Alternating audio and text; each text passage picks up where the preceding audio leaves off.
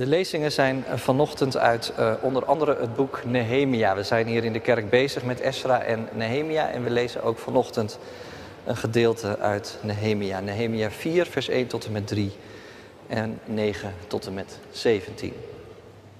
Toen onze vijanden hoorden dat het herstel van de muren van Jeruzalem vorderde en dat de gaten langzaam maar zeker werden gedicht, werden ze woedend.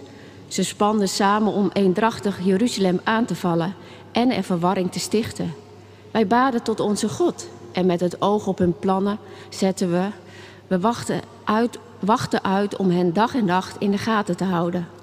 Toen onze vijanden merkten dat wij van hun plannen op de hoogte waren en dat God ze had verijdeld, konden we ons werk aan de muur hervatten. Vanaf die dag voerde de ene helft van mijn mannen het werk uit, terwijl de andere helft werd uitgerust met schilden, speren, bogen en harnassen. De officieren stonden opgesteld achter de Judeërs, die de muur aan het bouwen waren. De lastdragers deden het werk met de ene hand en hielden een werpspies in de andere. En de bouwers werkten met het zwaard op de heup gebonden. Naast mij stond een ramshoornblazer.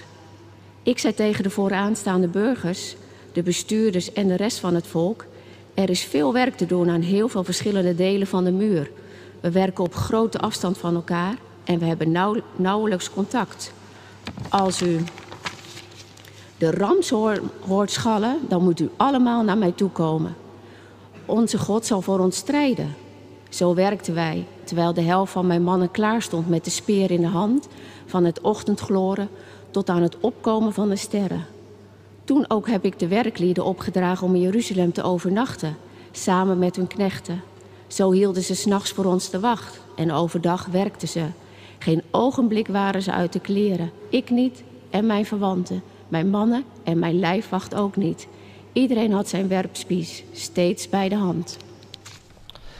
De tweede lezing is uit Matthäus 7. Dat is het gedeelte waar we het al even over hadden, over die wijze man en die dwaze man.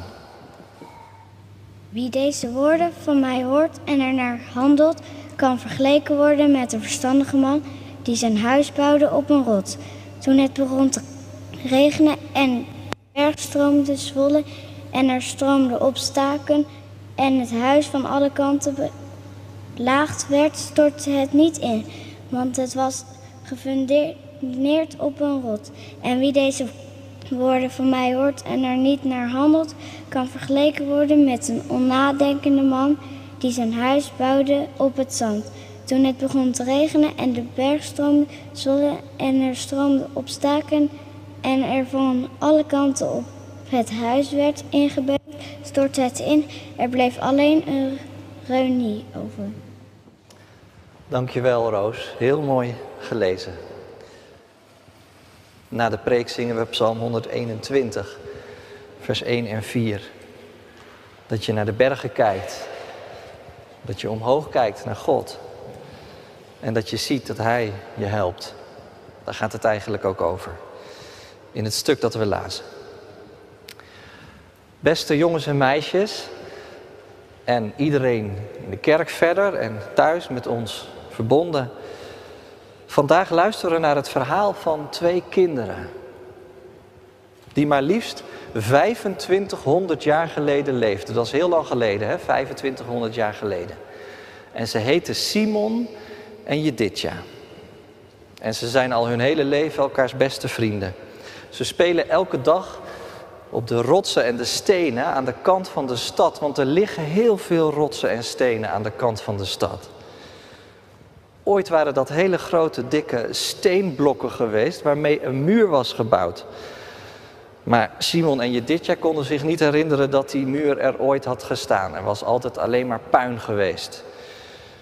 Die muur stond er al heel lang niet meer. Zelfs de opa van Jeditja kon zich niet herinneren dat die muur er had gestaan. Zijn opa en oma nog wel. En hij vertelde wel eens verhalen. Dan zei hij bijvoorbeeld, weet je, mijn opa en oma, die konden nog weten dat de muur er stond en hoe mooi Jeruzalem was. Dat was lang geleden. Een prachtige stad. Maar er was een lelijke koning gekomen uit een ver en vreemd land. En die had iedereen meegenomen naar zijn eigen stad. En die had alles kapot gemaakt, ook de muur. En sindsdien liggen die rotsblokken hier. Gelukkig was er later een andere koning geworden, vertelde opa dan. En toen mocht iedereen terug naar Jeruzalem. En toen was ik ook al geboren. En toen we in Jeruzalem kwamen, toen zagen we alleen maar puin. Alles was kapot. Er waren geen huizen meer, er waren geen scholen meer, geen parken, niks. En als opa dat vertelde, dan zag je zijn ogen altijd een beetje somber worden, want dat is natuurlijk wel verdrietig, hè? Maar zijn ogen gingen ook glimmen als hij verder ging. Want weet je, zei hij, toen hebben we met elkaar de tempel gebouwd. Zie je dat hele mooie, prachtige gebouw? Die is toen gebouwd. En we bouwden onze huizen op en onze parken en onze scholen. Maar de muur, nee, daar hadden we geen energie meer voor. Die bouwden we niet. Misschien komt het er nog eens van, maar ja, het is zo'n monsterklus. Nou ja, Simon en Jeditja vonden dat niet zo erg hoor, want die hadden een prachtige hut gebouwd tussen twee grote rotsblokken in. En met olijftakken hadden ze een soort dak erboven gemaakt en daar gingen ze altijd na schooltijd naartoe. En dan vertelden ze elkaar raadsels of ze deden puzzels. Maar op een goede dag zaten ze in de hut en toen hoorden ze ineens een geluid. Het was een heel schel geluid van een trompet. Wat zou er aan de hand zijn? Ze gingen hun hut uit en de stad in en ze zagen allemaal mensen naar een bepaalde plek komen. En daar stond iemand op een hele grote steen, midden op een groot veld. En de mensen kwamen er allemaal naartoe. En ze zagen opa er ook bij staan. En hij zei, kom maar even. Weet je wie dat is? Dat is Nehemia. En die Nehemia die is uit een ver land gekomen om ons te helpen. Hij gaat ons helpen om de muur weer op te bouwen. En hij heeft een prachtig plan gemaakt om deze monsterklus te klaren. En daar begon Nehemia vanaf die grote steen met zijn toespraak. Hij zei, beste mensen van Jeruzalem, ik snap heel goed dat jullie er enorm tegen opzien om die muur te bouwen. Maar jullie moeten je twee dingen heel goed bedenken. In de eerste plaats, je hoeft het niet alleen te doen, maar je mag het samen doen. En in de tweede plaats, je hoeft het niet alleen samen te doen, maar je mag het samen met God doen. Nou ja, je gelooft het niet. Maar niet heel lang daarna ging iedereen heel enthousiast aan de slag. Die Nehemia had natuurlijk helemaal gelijk gehad. Natuurlijk, je moest het samen doen, met elkaar. Stenen sjouwen en cement maken en de muur bouwen. En een paar dagen na die toespraak van Nehemia leek het wel alsof iedereen nieuwe energie had. Kijk, daar lopen twee overburen van Simon met een zware steen te sjouwen. En, en verderop de bakker en de slager samen aan het werk om cement te maken. En Simon en Jeditja, die doen gewoon gezellig mee. Eigenlijk is muurbouwen nog veel leuker dan hut bouwen. En je leert er ook nog heel veel nieuwe mensen mee kennen. Bijvoorbeeld die vreemde meneer die altijd naast het huis van Simon onder de boom zat en nog zei. Dat blijkt eigenlijk een hele gezellige man te zijn. Als je er samen mee aan het werk gaat. Nou ja, heb je dat ook wel eens, misschien? Dat je ergens gewoon enorm tegenop ziet? Dat je bijvoorbeeld op school een spreekbeurt moet houden en dat je eigenlijk weet waar je moet beginnen. Als iemand je helpt, je vader of je moeder bijvoorbeeld, want dan kun je het samen voorbereiden en dan gaat het veel beter. Of als je straks afscheid neemt van de basisschool en naar een nieuwe school moet, dan is dat leuk, maar misschien ook wel een beetje spannend. Want wat gaat er dan allemaal gebeuren en bij wie kom je in de klas? En dan is het wel fijn als er iemand is waarvan je weet dat die naar dezelfde klas gaat, want dan ga je samen. Eigenlijk kan je zeggen, als je samen een muur bouwt om jullie heen van veiligheid, dan kun je elkaar daarmee beschermen en dan ben je geborgen en veilig. En je kunt trouwens ook een muur bouwen om iemand anders heen. Als er iemand in jouw klas gepest wordt, dan zou je best wel voor hem op willen komen misschien, maar dan durf je dat niet in je eentje. Maar als je dat dan samen met iemand anders doet, dan bouw je samen een muur om elkaar heen. En daarom geeft God mensen aan elkaar. In je gezin of in je klas of in de kerk. Om naar elkaar om te kijken. En toch was er ook nog wel iets vreemds aan de hand daar in Jeruzalem. Want wat was dat toch met die showers? Heb jij dat ook gezien, je dit jaar? Vroeg Simon opeens. Heel veel showers gebruiken maar één hand om te sjouwen en in hun andere hand hebben ze een zwaard. Nou ja, dat was je dit jaar ook wel opgevallen. En weet je, het lijkt ook wel of er steeds meer mensen in de stad zijn die een harnas aantrekken en een schild meenemen. Daar kun je toch geen muur mee bouwen? Wat zou er aan de hand zijn? Er zal toch geen oorlog komen? Nou ja, dat was maar helemaal de vraag. Want wat Simon en je dit jaar niet wisten, maar opa wel, was dat er in een stad een stukje verderop iemand woonde die helemaal niet blij was met de bouw van de muur. Waarom niet, weet je?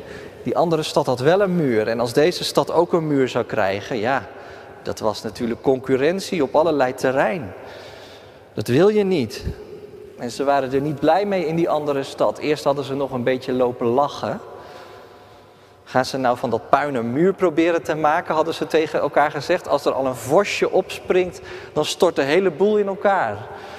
Maar het lachen was ze snel vergaan. Want het ging veel sneller dan iedereen had gedacht. En voor ze het wisten was die muur al half hoog. En toen wilden ze er een stokje voor steken en begonnen ze aan te vallen. Diezelfde avond zaten Simon en je dit jaar met opa voor het huis. Dat deden ze wel vaker. Het was helemaal donker geworden en je hoorde de krekels chilpen. En, en, en je zag als je naar boven keek een hele mooie lucht met sterren. Opa kon daar ook heel enthousiast over vertellen. Kijk, zie je, daar is het steelpannetje en verderop heb je de Poolster. Maar op een of andere manier waren Simon en je dit jaar er helemaal niet zo in geïnteresseerd als normaal. Ze waren gewoon een beetje stil. Is er wat? vroeg opa. En toen kwam het hoge woord eruit. Opa, het wordt toch geen oorlog? We zijn een beetje bang geworden. Straks gaat iedereen vechten. En gebeuren er misschien nog wel hele erge dingen. Maar weet je wat opa toen zei? Hij begreep het helemaal. Jullie hebben helemaal gelijk. Maar weet je, je hoeft niet bang te zijn. Want dat had Nehemia toch ook gezegd. We mogen de muur samen bouwen. Niet alleen samen, we doen het ook samen met God. We zijn vanaf het eerste begin toch aan het bidden. En God werkt met ons mee. Pa keek weer omhoog naar de sterrenhemel. Moet je nagaan, God heeft de hele wereld en de hele hemel en de hele aarde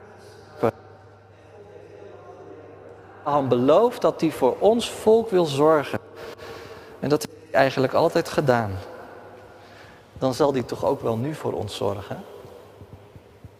Nou, daar had opa wel een punt, vind je niet? Opa wist over wie hij het had. Opa was eigenlijk wel een hele wijze opa. En ik denk dat wat hij zei woorden zijn die ook voor jou en voor mij en voor alle, ons allemaal bestemd zijn dat dezelfde God die de hemel en de aarde heeft geschapen en die voor ons zorgt, ook voor ons zal blijven zorgen. Dat heeft hij beloofd. En dat zal hij altijd doen. En daarom lijkt die opa van je dit jaar wel een beetje op die wijze man uit de gelijkenis die Jezus vertelt. En waar we die mooie filmpjes van hebben gezien. Over een wijs man die zijn huis bouwt op de rots. Dat is eigenlijk wat je gaat doen als je samen gaat werken en als je samen met God gaat werken, als je gaat bidden tot Hem. Dan bouw je een huis of misschien wel een muur op de rots. En als het in de kerk over een rots gaat, dan gaat het eigenlijk altijd over Jezus. Als je tegen Hem leunt, dan kan het soms best wel heel hard gaan stormen en waaien dan kunnen er ook wel vervelende of moeilijke dingen gebeuren. En dan kunnen er ook wel dingen zijn waar je tegenop ziet. Maar, maar dan blijf je toch altijd staan. Hoef je dus ook niet als een berg tegen de dingen op te zien. Hoef je ook niet bang te zijn voor van alles en nog wat. Dan is er eigenlijk een soort muur van veiligheid om je heen. Om ons allemaal heen. Wonen we in een stevige stad waar we mogen schuilen. En waar we altijd een plek hebben. En kijk, dat is natuurlijk een boodschap voor ons allemaal. Voor de kinderen, voor de tieners, voor studenten, voor ouderen, voor mensen die echt al heel oud zijn, zo oud als de opa van je dit jaar. We hebben mensen nodig die tegen ons zeggen: Je hoeft niet bang te zijn. Al gaat de storm tekeer, leg maar gewoon je hand in die van onze Heer. En die dat niet in de eerste plaats zeggen omdat ze dat gedichtje ooit eens uit hun hoofd hebben geleerd, maar die dat zeggen omdat ze het zelf hebben ervaren. Op allerlei momenten in je leven kan dat gebeuren. Dat ze een muur van veiligheid konden bouwen en ontdekten dat het hielp om te bidden. Dat ze zich daardoor geborgen wisten, opgericht als ze gevallen waren.